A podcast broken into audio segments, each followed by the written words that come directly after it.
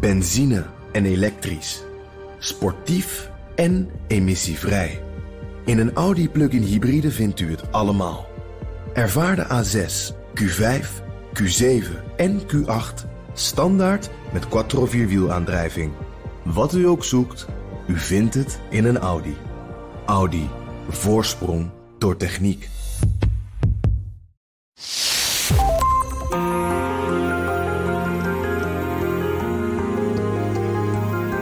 Je luistert naar De Stratege, een podcast van BNR in samenwerking met het Den Haag Centrum voor Strategische Studies. Mijn naam is Paul van Liemt. De energietransitie, klimaatmaatregelen en digitalisering zorgen voor een verschuiving in het gebruik van kritische grondstoffen. Ook willen we op dit vlak onafhankelijker worden en willen we klimaatdoelen halen. Dan zullen we die metalen misschien wel in Europa moeten gaan winnen. Dat besprak ik vorige week met Michel Rademaker, adjunct-directeur en medeoprichter van het Den Haag Centrum voor Strategische Studies, en Robert van Beek, beleidsadviseur op het gebied van energie en klimaat bij FME, de ondernemersorganisatie voor de technologische industrie. Kijk, met de Urban Mind, de circulariteit uh, en, en het beleid wat daar ook door het kabinet wordt ingezet, dus denken ze prima. Maar de grote vraag is, is dat genoeg? Ik denk zelf dat het in ieder geval de komende 15, 20 jaar zeker niet genoeg is. Er is ook in de wereld nog autonome groei. Ik, om even de Engelse term te gebruiken. We, gaan van, van drilling naar digging. dus we gaan van opboren naar uitgraven. Ja, dat is mooi in het Engels, ja. ja um, en, uh, maar er zijn wel degelijk ook in Europa, en vooral ook in, in de Nordics, dus in de, in, de, in de Scandinavische landen, zijn er ook gewoon mijnbouwlocaties die een deel van onze kritische grondstoffen zouden kunnen leveren. Gaat over kobalt, gaat over zeldzame aardmetalen. Uh, misschien niet voor de volledige behoefte van Europa, maar wel voor een deel. En maar kobalt ook nikkel kopen? Nou ja, dat is wel belangrijk. Dat zijn de aardmetalen die, die er echt toe doen, die je nodig hebt. En dan hebben we het over andere mijnbouw. Dan hebben we het niet over de hele vieze, vuile, verstikkende nou ja, mijnbouw. is natuurlijk per definitie niet schoon. Maar het is, wat wel zo is, is dat als we dat onder Europese wet en regelgeving en condities brengen, dat het in ieder geval een stuk schoner is dan wat we nu met, zeg maar, uh, wegkijkend uh, uh, naar de Congo en of naar China uh, waar we het spul nu vandaan halen, uh, dat onder condities laten gebeuren die toch eigenlijk gewoon niet meer kunnen. Michel Rademaker en Robert van Beek die zijn ook nu mijn gasten, want we gaan luisteraarsvragen beantwoorden. Heren, er zijn veel vragen binnengekomen. Eén vraag komt van uh, Cecile Welle. Die vraagt: zijn er alternatieven voor die grondstoffen? En ze gaat meteen verder. Kunnen we die bedenken en maken? Zouden we bij het ontwikkelen van nieuwe producten moeten zorgen dat we deze niet nodig hebben? Nieuwe technieken bijvoorbeeld? Of zijn dit hele domme vragen? Vraag ze ook nog eens een keer. Ik denk het niet. Volgens mij zijn het hele slimme vragen. Nou, wie mag ik deze, dit hele pakket vragen even voorleggen? Michel. Ik kan wel starten. Ehm, nou, de substitutievraag, hè, eh, kan ik het een vervangen door het andere, is een hele slimme vraag en een goede vraag. Alleen het antwoord is wel heel lastig. Want um, we hebben in het heelal hebben we maar 118 elementen. En die hebben allemaal een, een, een eigen, uh, eigenaardige eigenschap. En dus op het moment dat je een substituut wil hebben, um, moet je gaan kijken, kan ik dan andere combinaties van materialen maken die datzelfde kunnen. En daar zijn er wordt enorm veel onderzoek al wel gedaan op allerlei plekken in de wereld. En dat blijkt super ingewikkeld. Nou, dat is één. Nou, super ingewikkeld te zeggen, het kan en het kan niet. En als het kan, pas over jaren of over nou, decennia. Ik, ik, weet, ik heb jaren geleden eens een keer met een hoogleraar gesproken in, het, in Twente. En die was bezig om een bepaalde grondstof die in autobanden zat, om daar een vervanging voor te vinden. Daar waren ze al twintig jaar mee bezig. Omdat dat substituut en de eigenschap die je nodig hebt, er gewoon nog niet was dus uh, nou, een vriend van mij is wel aardig, die, uh, die is hoogleraar in, in grafeen en die is bezig met het, hij noemde dat, vond ik wel mooi, schulen met elektronen, maar die is aan het kijken of ze nieuwe materialen kunnen ontwikkelen. Nou ja, dat is echt in de kinderschoenen. Dus dat is voor de komende 15 jaar geen oplossing. Er wordt wel op allerlei plekken onderzoek eh, naar gedaan. Ja. Dus dat is heel lastig. De andere vraag is, uh, die ging volgens mij over.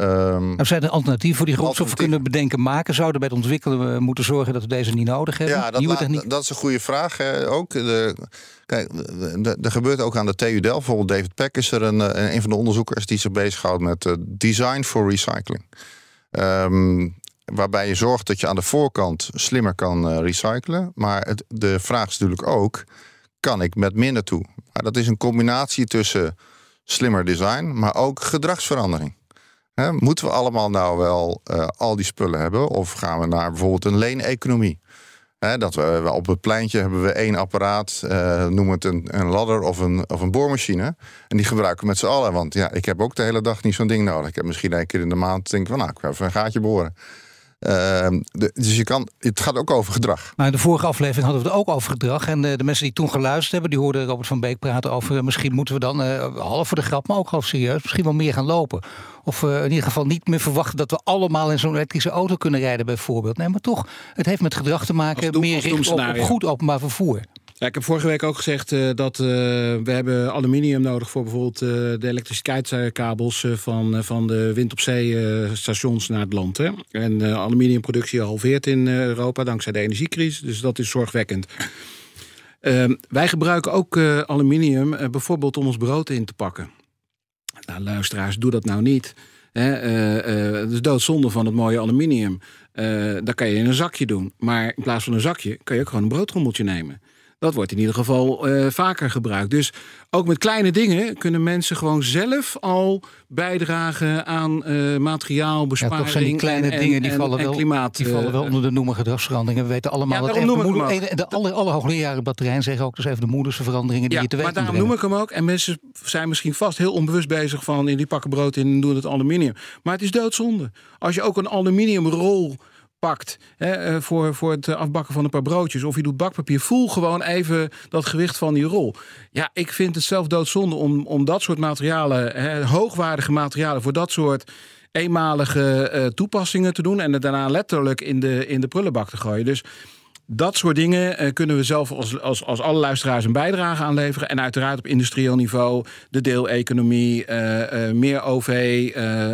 we, we moeten uh, naar circulariteit. Uh, we moeten gaan terugwinnen de kritische materialen die we nu nog naar Afrika exporteren, naar China. Ik zei vorige week ook, hè, we betalen er eigenlijk twee keer voor. Allemaal zonde. Laten we, dat niet, laten we daarmee stoppen. En dat betekent uh, dat we een aantal dingen echt anders moeten inrichten. Ja, dat betekent dus bijna noodgedwongen zullen we dat gewoon moeten gaan doen. Dat kan niet anders, maar uiteindelijk pakt het dan ook veel beter voor ons uit. En als we dan toch heel ideologisch aan praten zijn voor de aarde en de planeet. Ja, inderdaad. Het is afgezaagd. Maar inderdaad voor het klimaat, maar ook gewoon voor de mensen hun portemonnee. Want niemand is blij geworden van de huidige gas- en elektriciteitsprijzen.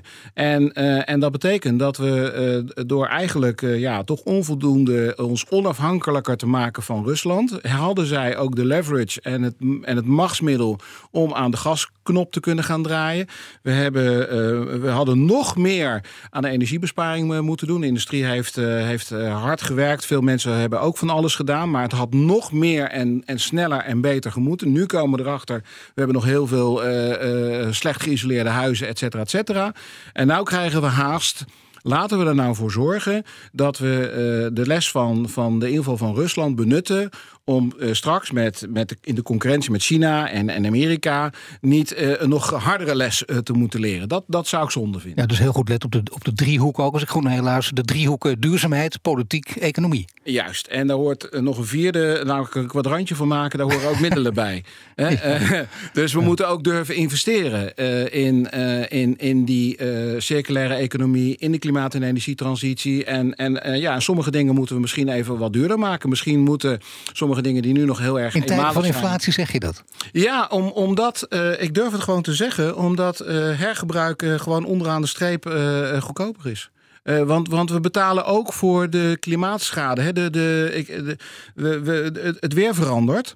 Uh, we krijgen insecten erbij. Uh, we hebben ineens te weinig water of juist te veel water. En dat kost allemaal geld. Dus niks doen is niet gratis. Hè? Het is zelfs zo dat je kan beredeneren dat de kosten alleen maar oplopen als we te weinig snelheid maken en te weinig investeren. Te, te langzaam en te klein, dat gaat alleen maar leiden tot duurdere oplossingen.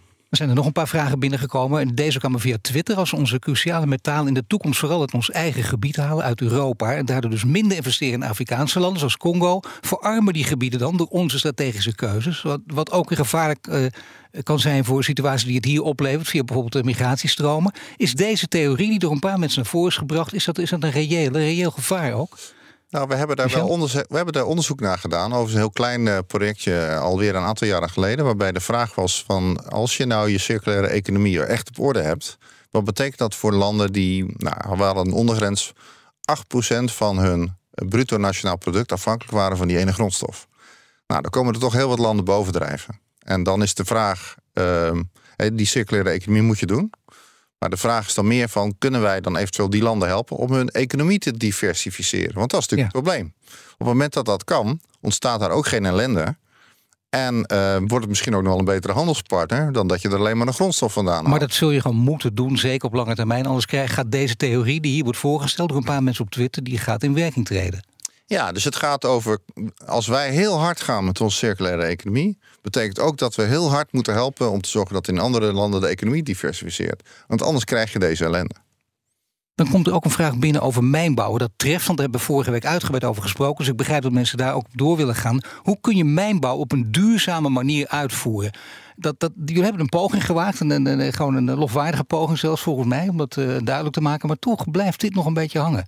Ja, door het te gaan doen door het te gaan doen. Ja, maar dat is gewoon een beetje experimentje eigenlijk. Eh. Nou ja, nee, niet helemaal. Kijk, uh, we, we, hebben mijnbouwkennis uh, in Europa. En we kunnen. Ehm, de, de uitdaging is om dat te doen met de juiste arbeidsomstandigheden, maar toch kostenefficiënt en zo min mogelijk milieuschade en in ieder geval op, op wat voor wijze dan ook te compenseren. Vermoedelijk kost dat meer geld dan hetzelfde product uit een vergelijkbare mijn halen in een of ander B-land, eh, waar dan eh, de prijs eh, lager is. En dan betekent het dat we voor een, voor een dilemma komen te staan. Gaan we voor de laagste prijs van het product uit die mijn, uit een ander land, onder ongecontroleerde omstandigheden? Of zijn we bereid de prijs te betalen van responsible mining in Europa? Nou, ik denk dat om onszelf te beschermen, zou je bijvoorbeeld kunnen overwegen om dan zoals dat ook met CO2 gebeurt, een, eh, een, een importheffing eh, te gaan toepassen op materiaal uit, uit die goedkope landen. Daarmee trek je een level playing field voor de business case van die mijnen in Europa. Alleen ja, dan gaan we netto onderaan de streep wel meer betalen. Uh, we krijgen meer geopolitieke onafhankelijkheid, maar dat is allemaal niet gratis en dat gaat niet vanzelf. Nee, dus uh, inzetten op, geweldige term ook weer, responsible mining. En bovendien, uh, daar komen dan eens, hoe dan ook denk ik weer mensen op die toezicht gaan houden. Dan gaan we ook kijken of je daar zo'n keurmerk op kan toepassen. Dan moet je het waar kunnen maken. Ja, dat klopt. En, en, en, maar ik geloof erin dat ondanks vallen en opstaan, want er zullen ongetwijfeld dingen misgaan, uh, dat we uh, dan geloof moeten hebben in ons eigen kunnen. En dat we ervan uit moeten gaan dat onze controle en, en, en de manier waarop we het dan doen gewoon beter is voor zowel het milieu als de mensen die het moeten gaan doen. Uh, dan het ongebreideld blijven halen van grondstoffen van, van over de hele wereld. Daar zullen we ook niet aan ontkomen. Hè? Michiel heeft ook vorige week uh, ervoor geroepen, we, we, we, blijven materiaal uit China uh, houden. Ja. Uh, we, we, kunnen niet in Europa autarkisch worden. Dat, dat, dat is ook niet erg. Ik denk dat we wel een, een, positie moeten houden naar de andere landen in de wereld. Om, om gewoon met nou ja, traditionele handel. Hè, jij krijgt wat van mij, ik krijg wat van jou. Maar wel op basis van zoveel mogelijk gelijkwaardige posities. Eh, de, de materialen in Europa te houden. Nou, er kwam een vraag binnen die hier wel op aansluit. Uh, die was voor jou, Michel. En dan kun je misschien, uh, je wil hierop antwoorden, maar dit, dit, valt, dit, dit, valt hiermee samen, denk ik. Want die vraag luidt: welke rol kan Nederland specifiek spelen op Europees niveau met een grondstoffenstrategie? Um, nou, misschien wel. in ieder geval een, een, een, stukje van de, van de legpuzzel mee aanleggen. Hè? Want wat ik straks al zei en vorige week ook heb benadrukt je, je kan het alleen op Europees niveau.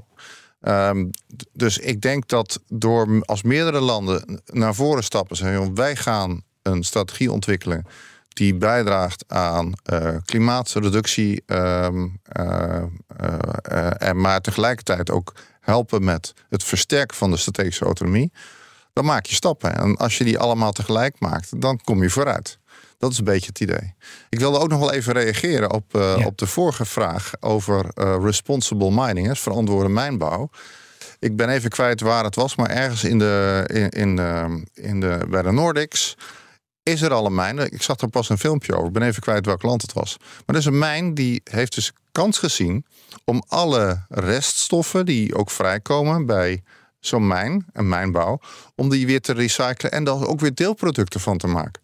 Dus het is niet zo dat als je een, een mijn uh, ontwikkelt, dat je er maar één stofje uithaalt. Je kan op punt 1 meerdere stoffen uithalen, maar vaak heb je de afvalstoffen die dat uh, weer oplevert, kan je ook weer uh, gebruiken tot een ander product.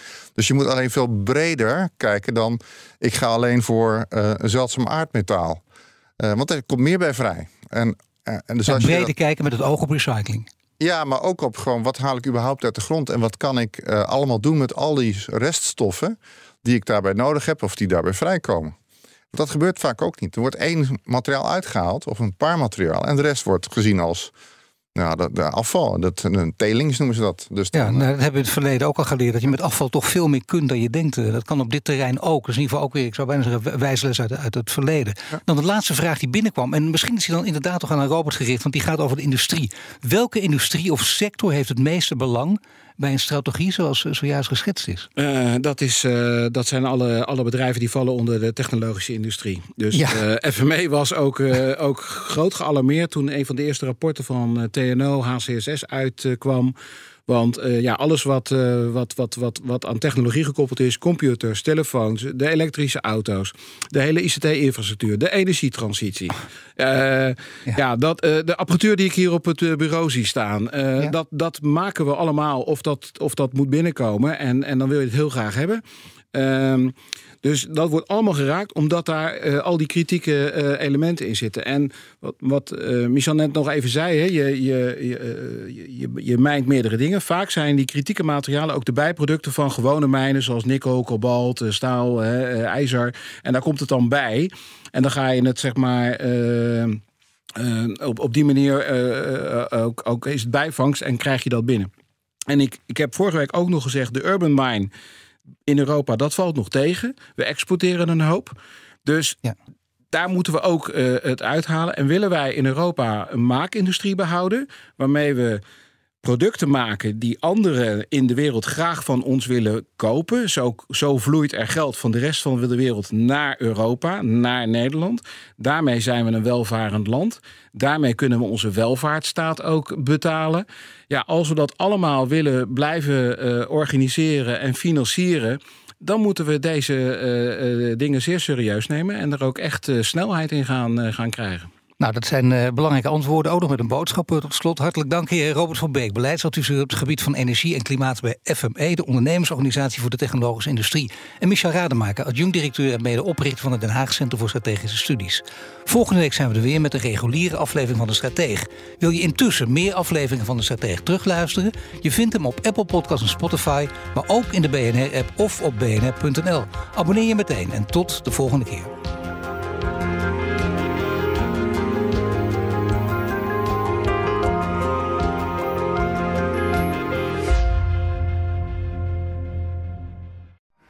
Benzine en elektrisch. Sportief en emissievrij. In een Audi plug-in hybride vindt u het allemaal.